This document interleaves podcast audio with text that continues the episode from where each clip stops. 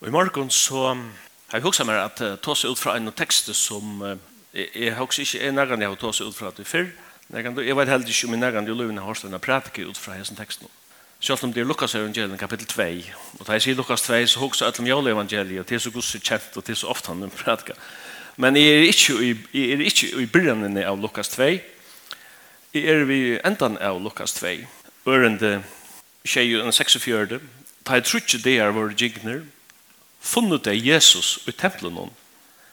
Her han sette med til her, og bei lurt til etter tøymen, og spurte tar. Og alt som hørte han var helt offeren av undran iver, vit og svær han seg.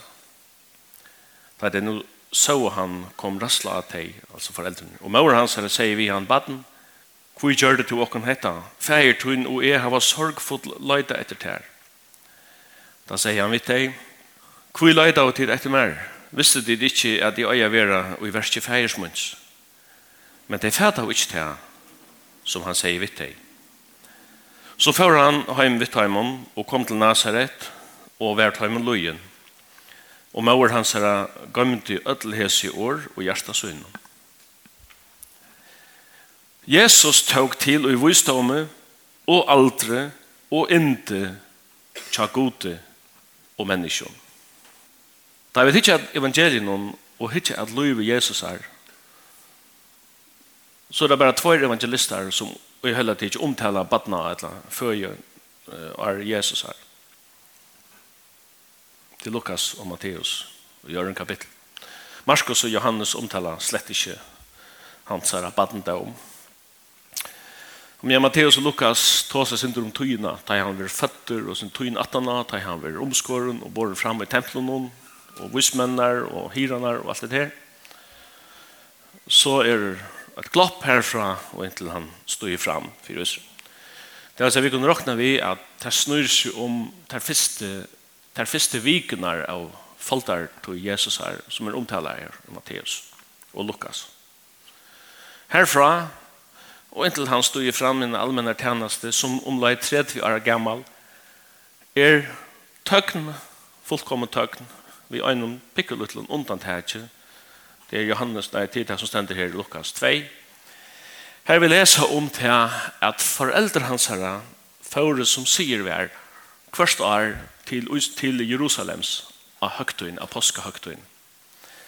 Det var sier og gosse sier fire for gauar, rattrykvande gjøtar affæra til Jerusalem. Men det er nu ikke bare som man sier det, tar man jo bor i Galilea og i Nazaret, Så er avstanderen fra Nazaret og til Jerusalem, som er den religiøse høvesborgen Tjajøtnen, er over 100 kilometer. Det var ganske ikke nekvont at man også har motorveier og bilar. Men dette er en nødtøy hver ånden fyrir skjøter enn at eselgonger. Og det skulle fyrir seg gjerne ved karavanen, og det var det som fyrir som beveger seg uh, spekuligast, som setter det er det som bestemmer i farsten. Så det tok flere dager av færen tur fra Galilea eller fra Nazaret og alle veien så til Jerusalem og selv, selv han i Øysten flør der fra Norrat men det gjør det da og gaur rattrungene jøder kunne gjøre det trutja for mar for jeg iverhalda der jødiske høgtøyner og det gjør det så foreldre hans og god så sier øyne for mar så lest han det skriva jeg vant til hukse som det her at da Kristus kom i fytling tøyene og kom inn i en kultur, kom inn i en arv. Hvordan takla han den arven? Altså? Vi vet vel lyd om hans rabatten og arv, som sagt. Det var bare noe, noe glimt. Jeg har opplevd mange affærer til en byggva og gjennom fremmande boi i en styrt tog.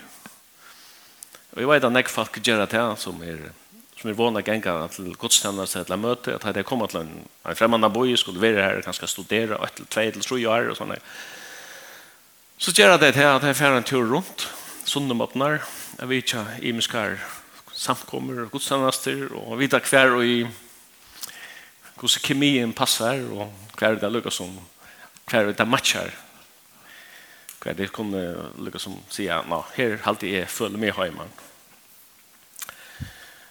Den amerikanske forfattaren Philip Yancey, han hever også haft tankeeksperimentet i Israel, av samt og Jesus her, og han umyndas her, at han ble plasseret inn i den kulturen og skulle finne seg til rattes. Han sier, jeg færre en tur rundt, at hitje etter tog religiøsa og tog politiska landsland, for jeg lykkes, som, jeg finner det hver jeg passer inn og sånne. Så det første han vidtjer er, er senere nere, Hver dag måtte vel at her er øyelig at trykk for mot skriften om, tar trykk for at skriften er innblåst der og god, tar trykk på løyv etter deg, tar trykk på en andalian heim og så. Men tar er så avhundelig eksklusiv. Tar er nesten her, og stemplet ut av samfunnet noen, og her isolera seg. Tar er så ekstremt puritanskir, sier han. Nei, hatt er ikke med, hatt er ikke jeg, sier, sier Jan sier så. Tar er diskvalifisera er, jeg tog mye, jeg tog mye møte at jeg sier senere. Så tar kyrkjan er avskrivet. Den neste man får vitja er saddukererne. Han damer vel tar er som pragmatiske, tar en pastor av samfunnet, og tar intellektuelle, tar gjør det ikke verre. Tar av større viring for skriften og sånne. Men her er så, her var han materialistiske fætene og tilvirrende, tar trygg vi ikke på lov etter deg, tar trygg vi ikke på enklar, tar trygg vi ikke på andan, tar av avskrevet andan i verden. Tar er så avvirskere av til hellenistiske mentene, at jeg betraktet det ikke å være skrift tryggvar. Tar vera absolutt diskvalificerar.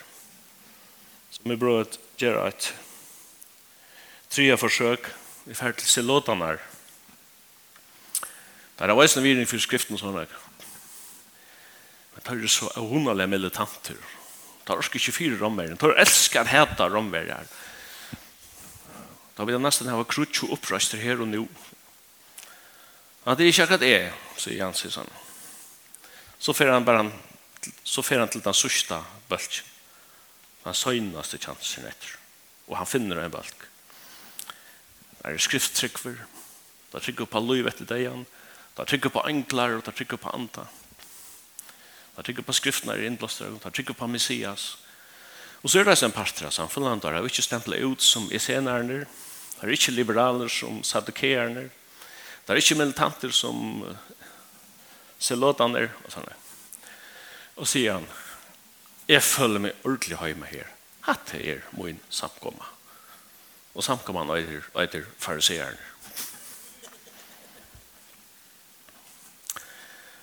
Hvordan takla jeg Kristus til kultan, kultur han kom i? Ja, jeg vet ikke ordentlig. Men jeg vil lese at Gustav sier at han er foreldren og lojen og forberedt honom til Jerusalem av påskehøgtøyen. Og han er 12 år gammal. Og det er ikke nekve vidt om disse feriene. Men da i bøtten er blitt 12 år gammel, så er, er snøren blitt så mye, eller kjøren blitt så mye lengt, at man kan ikke hygge etter alle tøyene, det er snøyet. Han er kanskje, mer eller mindre, passet seg selv i Jerusalem, og så skal vi tøyen ta i karavanen skal forhøyma til Nazaret. Og de begynner så at bevega seg norra etter til Nazaret. Men han var ikke akkurat her da. Det er man for å genga. Han er sikkert i middelen skyldfølgen. Så de halda løgene fram. Men det er et fyrest øyn der, og stadigvæk ikke funnet han i middelen skyldfølgen medan karavanen er av vevet til Galilea så, så blev det ordentlig bensjen og sier her er her er her rukker ikke alt rett så det stekker jeg her og vent i atter til Jerusalem. Det ene gav snedet vi å være en pastor av mainstream. Annars man kallar det for mob psychology. Det er pastor av nærstårere i fjöld. Det er pastor av mainstream. Det er pastor av mørlo. Det slipper fra hoksa. Det er så valsikna nevnt. Du slipper fra å følge apert. Og du hoksa så, ja, hvis det er som tar feil, så er det snakk andre som også tar feil, så så vidt. Vi døyler til en møtjengene at det var mystisk. Så. Det er nok til at jeg føler at det er for. Inntil det er en for han var ikke en høyland det her og sier her dere skal. De vendte alltid til Jerusalem. Og det var fyrast en dag og vendt atter så gikk ut fra at jeg tenker en høyland det og kom atter til Jerusalem. Og så ferdig under et researcharbeid i Jerusalem av Løyta. Og til Løyta en dag og finner han ikke. Det var nummer 2, og jeg funnet han helt ikke. Han tror det er en gjør det forsøk. Det er for inn i templer. Inn i teologiske fakultetet. Her er alt hører som han sier, tunker teologene skjøt. Her satt han. Og han spurte, og han lurte i. Og det stender øyne at han sværer i. Og det ble bensjen at jeg så han, at sitte mittelen hans her tunke til lokan her. Og når han sier, sier vi han, Paten, hvor gjør det du åkken hetta, Fæger tog inn og jeg har sorgarfullt leita etter ter.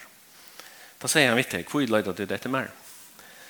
Visste du ikke at de øya vera, ikke i karavanene, men at de øya vera og i versker fæger smunds.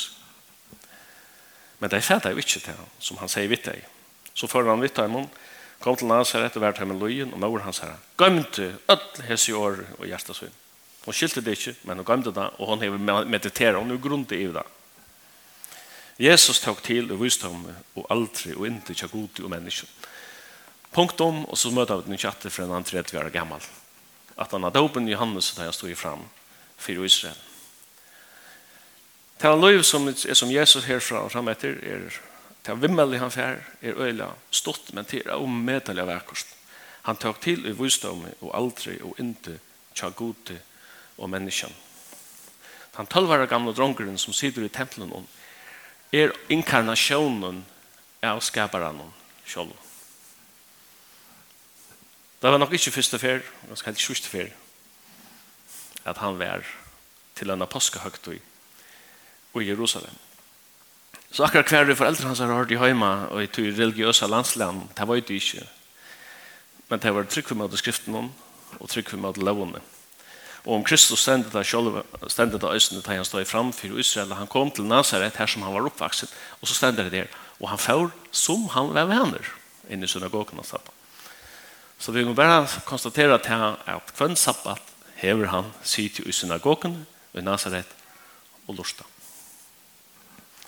Det tankar vekjant. Men hvor færre jødene til, til Jerusalem av påskehøgten? Hva er det enda man viser høgten? Gamla testamentet forteller okken at god gav Israels feltje bøyene han gav dem lovene og så gav han dem østene forskriftene til halgedommen det var nakle Og om han hadde heila, så gav han dem eisne forskriftene til høgtøyene. Så leis at han jødiske kalendaren ble bytter opp til av seg høgtøyer, som der ikke hadde bestemt selv. Det var djunne vi goddommelige åpenbering. Her var nekvar høgtøyer. Trutjer at han var særsteklige Påska Påskehøgtøyen, nummer 1. Og vikehøgtøyen som kom tjej viker 17. Og så et halvt her at han var kjent av mannen leivsela høgtøyen. Og jødene er heldige her. Vi tror i Mosebøk 23 er en, en samandrottere av ødelen høgtøyen. Jeg har ofte lyst han kapitlen i jøkken. Det som er avhøverst til å søtja hvordan ofte han i navnet Jave eller Herren vi brukt i 3. Mosebøk 23. Her stender 3. Mosebøk 23 at Moses kunngjør det nå for, for utsesmånen høgtøyer herrens og herren sier høgtøyer munnar er i hesar. Og så kommer en, en oppramsing av sin høgtøyene, og eisen hva du tar skulle gjøre, og hvordan landet skulle være, og hva er seremoni du skulle gjøre. Offer skulle være borren fram for herran. Det skulle være stilt for herran. Det er altså høgtøyene snue seg om at arbeider vi samfunnet vi er god, og høgtøyene være kattleier, fyrir høgtøyer herrens. Hvor har jeg oppfunnet der? Det var herren. Hvor åtte der? Det var herren. Det var ikke folkens. Men folket fikk avlagt at halde seg høgtøyene. Og det var konsekvent og i gamle som et kallet i fyrir høgtøyer herrens. Og Arne Gjenke, Aldena Gjenke og Jødan Hilti hessar høgtøyner. Og det er vi møtt Johannes evangeliet og lese her. Så har det skift navn. Høgtøyer herrens er nå konverteret er navnet er bratt til høgtøyer jødene. Men hos må det. Hva er det hent? Jeg skiljer det så leis, og så ser, som at høgtøyene er mer eller minne vi helt nær til røtte tøyene, vi tar røtte seremonien, men det hadde mist sitt andalige innehalt, og i så stor mån, at god virkjente seg det ikke mer, som hans er høgtøyer, tid har vært gjørsta til dikkar. Tan dessinden vil øysen gjør enn tan det og i det. Samkomman er ikke mun etla tøyn. Hun er noe som høyrer herran noen til. Godstannelsen er høyrer herran noen til. Og hvis det god ikke er åpenbæra over og fer plass ut, så er det bare menneskeversk. Så leser jeg det. Og Johannes evangeliet kapittel 2 leser vi det om. Og nå la jeg til høgt til jødene. Og hva hendte? Så stendte det, og Jesus var til Jerusalem. Så han ble pastor av The Game, eller jeg skulle si. Han førte til Jerusalem. Og høgt til. At han hadde begynt sine allmenne tjenest. Og til å være han østene som 12 år gammel. Og en pastor av mainstream, da jeg et fyrrest til Jerusalem. Men av vi hjemme til var han ikke vi. Og til løyde etter honom og funnet ham i templen og ta jeg til spurte han hva gjør det du et her? Så er svære visste tid ikke at jeg øye av vera og i verste feirsmunds. Så leser jeg da i det. Jeg vet ikke om du mistet han vekk. Jeg vet ikke om du lever i mainstream bedrennen at selv om jeg ikke kjenner han og følger han og følger nærmere hans her så vågner jeg at han er i middelen skiltfalskene eller omkring. Men kanskje tog inn øyne kommer man stekke opp og spyrer seg selv han. Kanskje du vil du gjøre et research. Og hver finner du han? Du finner han alltid i verste færsmunds. Mætemoen er å gjøre verskansere som sender meg. Å gjøre vilje hansere som sender meg. Og å fullføre verskansere. Hver er Kristus i det Er han kjønnlig i samkommet? er vi inne i høgtøyen gjøtana, da kunne vi det sånn å si at dere godstannast er høgtuger fyrir kunne også Kolossebrannen stendet så løs at vi skulle kjenne kunnskapen om løndarmal Guds som er Kristus. Guds mysterium, Guds løndarmal er, er lustig øynene øyneste året til er Kristus. Og en avhåvert hending er ur Johannes evangelium, kjenta kapittel, her stender at Jesus hei tidsi avstand fra Judea til jødan og løvun etter løvun og han fyrir snu undt i Galilea. Han hei en familie, han er i forelder som det som løs her i Lukas 2. Men Arne er gynnsyn, han hei ikke bare foreldre, han er jo flere syskjen. Han har bare bøtjar og systrar. Det er sånne foreldre. Maria og Josef og Nazaret tøyndene gikk om han, om land. Etter hetta feres Jesus om i Galilea, han ville ikke feres om i Judea, til jøtene lov hon et liv. Så han held seg til vågjør til det trykka, til norra parten i landet. Og så stender det her. Lorsta nå. Og høgt til jøtene, levsel høgt til hver nær. Så videre vi til. Det er ikke herrens høgt som er nær. Men det er jøtene, så at så det brøver hans här vi han. Fær borster. Fær til Judea. Fær sår etter. Så är sin lärare som tøyne kunne få sånne verksen tøyne som du gjerst. Tøy ønsken gjør det nægge London, da han selv ligger etter å være kjenter middelfall. Gjerst du hetta. Så vis det for heimen. Hva er det problemet her? Ja, han er blitt en belastning for familjerna. Han er jo nek omtaler. Han er kontroversiell. Og til slutande for badjaner og familjerna så. Så vi skulle locka henne för sol och det få en veckor och det så är friare. Fær färra sol til till Jerusalem så så tar hon söka verktøy som du gör. Visst det för hemmen. Och kan svära igen. Det här ständer det och gör. Tog helter inte bröver hans herra. Tro av han. Ikkje enn noe som ser. Og inte vi er, kan lukka nevna til at tre av bröden och nudja testamentet. Jakobs brev og Judas brev och på et arn uppenbär. de er skriva i av Jakob som var son Josef og Marie og Nazaret og Judas som var annan. Det er skriva av två mannen som var bøtjar Jesus her. Ikke bare etter antanon, men øysene etter holdt noen. Så, men her stender så. Du heldt ikke brøver hans her, tro han. Jesus sier vittar. Tøymun er, tøymun er ikke kommet enn, men tøytikar er alltid i hånd.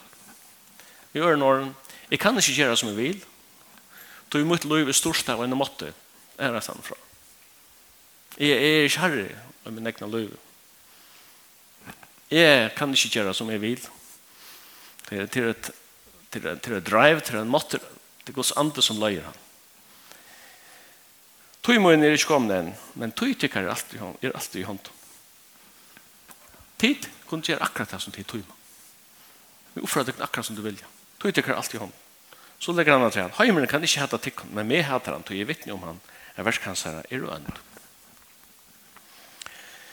Færre tid nian til høgtøyna. Jeg færre ikke enn. Jeg færre ikke enn nian til disse høgtøy. Tøy må er ikke fullkomne enn. Jeg skal nok fære nok til. Men det er ikke for jeg får grønt ljøs. Da han etter har sagt var han verande i Galilea. Men da jeg brøver hans her var ferdig nian til høgtina for oss Jesus nian. To, ikke åbelust, men i løgntom. Jötan er leita ut etter honom og høgtene og hver er han? Og i London tjekk nek tå som han vil fæltje. Som hun sa til han er en gau med over med andre sett, nei, han vil leir fæltje men ungen tala i åpenløst om han av etta fyrir jødene.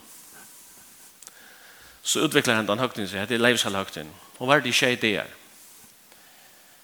Jeg var enn av i Israel under leivsall høgtiden, til morgen tutsi år siden. At vi ikke i Israel er alltid opplevelse, men at vi ikke i leivsall høgtiden er helt spesielt. Det er utan samarbeid den den største høgtiden, som gjør jødene gengar høgst oppi. Høg, minst en restaurasjon hvor vi för ut att äta så får man in och ju seg här levhusen ja, att att äta. Det var ett helt speciellt upplevelse. Kan var enda maler vi. Kan var enda maler vi sån högtun. Menneskene er glömsk. Hon glömmer öjla lätt. Hon god gav dem en högtun här.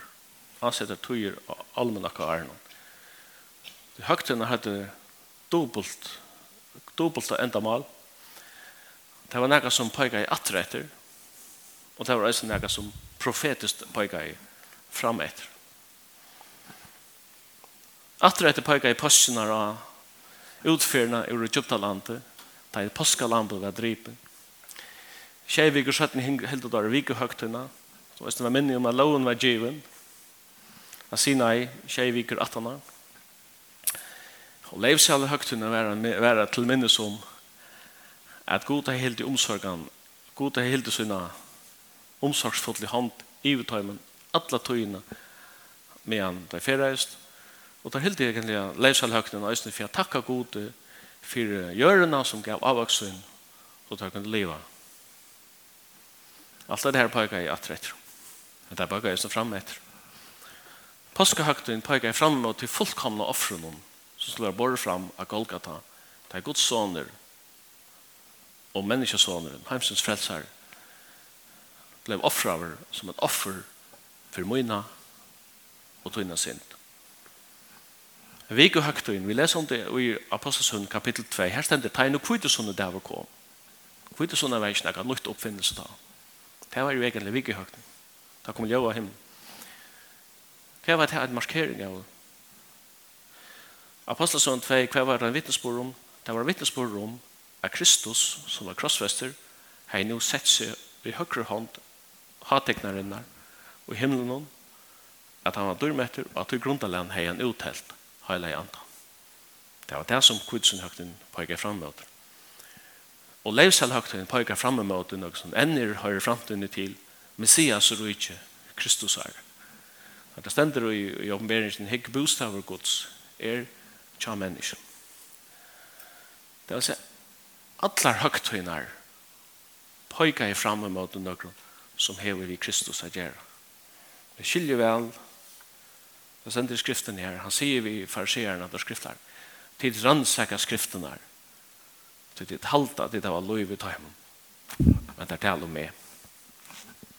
Så einfalt det her. All fytling goddomsins likamlige, bor i personen Jesus. Jesus. Men her, ja, apostelsen i Johannes kjenta kapittel, stendet han, man lærer sånn, nei, stendet han brøver hans her, tog heldre ikke brøver hans her, tro og han, men tar førre sted til Jerusalem, for jeg halda leivs av høgtøyna. Det er bare en, et vittespor om det, en religion hever nødvendigvis ikke nægge ved livende og trygg hva gjør. Vi kan være superreligiøs, og han har finnet fætro i. Det er rett enda, hvis vi kan si det sånn. Men han får nyan til høgtøyna, ta i høgtøyen var holdigen og for nian i tempelet og styrla seg fram i tempelet her som han er ved 12 år gammal og byrja jeg læra folk i tempelet vil jeg sier hver han hever hese lærdom så inn da han ikke hever lærst og det han er gjengjød her som, som jeg nevnte til er det ideer som leis alle høgtøyen er og den sørste dæveren hei særlig nekvar ceremonier med den andre sier Søvan, eller Josef sier til at jødene er vanlige. Bør vatten ur Silovams hilnån den sørste dagen og i leivsalhøgtene bør han ned av tempelplasser og uttelte vatten her som, som er slæ og en drittjoffre for herren og hvordan det så skal skiljas men det var en ekstra ceremonier tar jeg var haft. Og anker hever lukket som sett spørningen kan det huksast at Jesus hever se hessa vattenbæringen at det bør ned? den sørste dagen i høgtøyene. Så det stender her, og Johannes sier, at den sørste og den store dagen i høgtøyene stod Jesus og røpte, om nekar tyste, han kommer til munn og drettje. Han som tror av meg, ur liv i hans her skulle, som skriften har sagt, renna streimar av livande vattnet. Dette sier han om andan som de skulle få, som tror jeg han. Det hele andan var ikke enn, av tog at Jesus var ikke enn våre dyrmøter. Så vi skulle gjøre en sammandrott av hans leivsalhøgtene i Lukas, nei, i Johannes tjej. Hon byrjar vi av en Jesus er pura anonymer, han er ikke en i Jerusalem. Han Miskais i høgtene, for han er en tempel og underviser. Den sørste dagen stod han allmänt fram og har røpt.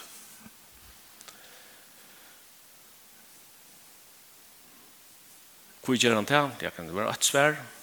Jeg er i verste feirsmål. Det var til han som god hei lagt han til.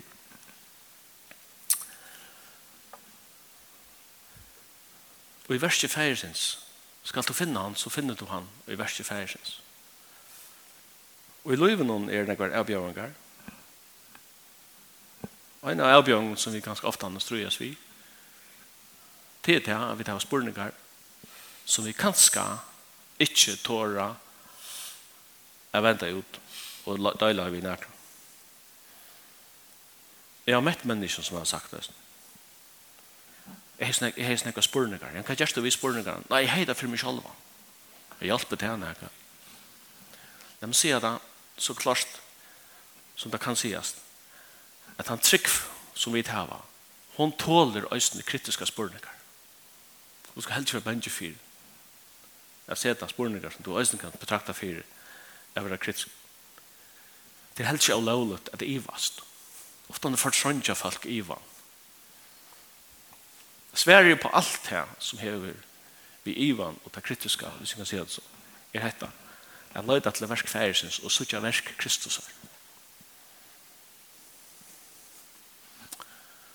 Johannes Døybaren er et av sterkaste døm som jeg har sett. Han heier vi er nær 100% sikkerhet. Han er finnes å åpenbæra pojka av Jesus og sagt, sagt et lamgods som ber bort sin tømses. Det er han som kommer etter meg og som er sterkere enn jeg. Han var så han var så iva leiser i sånne i tog som han prædika og kunne kundgjørt. Men han ble ikke tolter og Herodes tok han og sette han i fangsel. Jeg vet ikke hvordan, hvordan det er hvordan det er omskiftet fra å være ute i øymet og prædika og folk komme til han og så knapplega er du innesperret av den fyra murer her rundt om, og sitter hikker på henne muren der, kvendt han øynene seg der. Men han satt i fangsten om. Det er jo grunn til å ha. Hva er det noe enda mal, vet jo heila. Hva er man mot lov for å føre til? Men han, men han sitter i fangsten om, så for at han kan i gang, og han blir å spekulere. Han hørte, han fratte om versk, versk krist. Og medan han, vi har fratt om at det er sender han når jeg lærer sønnen sønnen Så han er Augustus sier, det er ikke vi forbo for jeg vidtjen fangsten. Han sendte der sin lærersvenn til Jesus, jeg sier vi han, jeg spyr han, er det han som kommer skal, etla skulle vi til vatta og en annan. Om han da mannen som sätter han da sporingen vil ha sagt han er den største som er stigen fram i mittel tarra som fatterer kvinne. Og där han er løyve til å sette sporninger og sette ivas Jeg kvisker to for trønge, tøyne spørninger, og tøyne iva. Da Jesus fikk henta spørningen, stendet det at han grødde mange just da, og han sverar lærersvenn Johannes her atter, han sier, færre og sier Johannes, ta som tid suttja, og ta som tid høyre.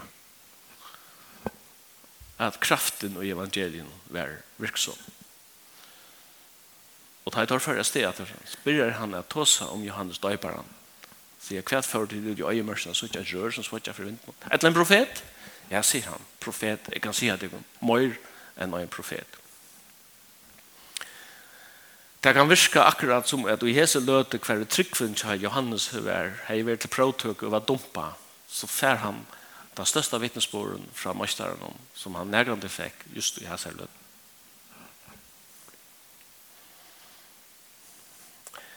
Så ive er ikke noe som er ovanligt. Du skal bare placera ivan av det rette steg. Fær til det rette steg i vien. Fanny, nei, Lina Sandell er ikke det her. Sørst du med i Ivans hørebånden, kom til hjelper ta og lære meg. Teka stilt at hun feir hånd en stund og det er vi selv. Saman leser jeg om han mannen som Johannes Støybarn alt han er en firmen av, Elias. Da vet jeg at Johannes Støybarn står fram og i kraft og anta Elias her. Men det er 600 år av i middelen Elias og Johannes Støybarn. Han triumferar över profeten Baals av Karmelsfjallet som vi läser om i första kongabog. Och vinner i damen Og vi sier, det er en stor andelig sier som Elias har vunnet her. Men i Jezabel brøttes det ikke. Og Akab tidligere heldig ikke å være brøtt. Så det er etter er, er han etterlyster, som han sier, wanted, dead or alive. Han vil ha profeten Elias, drypnan, han, jo. Og det stender om Elias at han ble bensjen og han flytte. Det stender også hver han flytte, han flytte til Beersheba. Og så kjenner lysen til, til de israelske geografiene som ligger Beersheba, til er ikke bare sur i Jerusalem. Det var en trus, halvfjerds kilometer, sunna for Jerusalem. Det er absolutt han sunna som blir. Det er som er fyrir sur om sumpa. Altså, så lengt det rundt igjen. Og han kommer her til, før han ut i øyemørsene, og han sier vi herren, nu orski er ikkje meir, men har vi øyna bøn til den god, til at du teker mot liv. Jeg har vært øyen for gode fra ungdommen av. Men hva er det hent? Profetene er drypner, alt er nye riven. Det er bare øyn profeter etter til det. Herren styrste han vinner nærmest alt og Og god be han komme ut ur hettelen og stilla seg fram for Asjan Harrans, og så høttet tar han samtalen. Det er middel. Er eneste, er den eneste som er etter så god, det passer slett ikke. Tinnar at du selv ganger rundt og bidla der inn. Det har vært 6000 som enn funnes, som ikke hadde bakt knæ for Baal. Som ikke hadde kyst av goden Baal. Og et nøy gjorde Baal. Det er han, ja. Han er ikke i det i vidt. At det funnes sånn jeg. Og det har vi også opplevd til Førje. Det finnes en rikva av folk i Førje der, det er stille i landet som to er ikke videre om. Som søker god for den ene seg der, og livet en var Men så Paulus da han var i Korint, og kanskje hei mist møte, så god kom til han i en dreim. og en dreim om natten, han sier vi han. Tala og ti ikkje, det er han nek folk her som bor i. Det er han her han ikke. Det er et nøye urvel. Øysene. Og i det. Så Johannes sette på til Kristus. Efter at han så kom, han skal, skulle vant en annan. Sverre kom. Farision til han som til Sucha. Og til han som til høyre. Elias miste møte. Men Herren styrte han, sier han. Du heldre at du varst alt. Det gjør du ikke lukka av. Hver okkar avbjøring i det, avbjøringen er å søke inn i verskfeiret Her finner du Kristus. Og Herren signet til. Amen.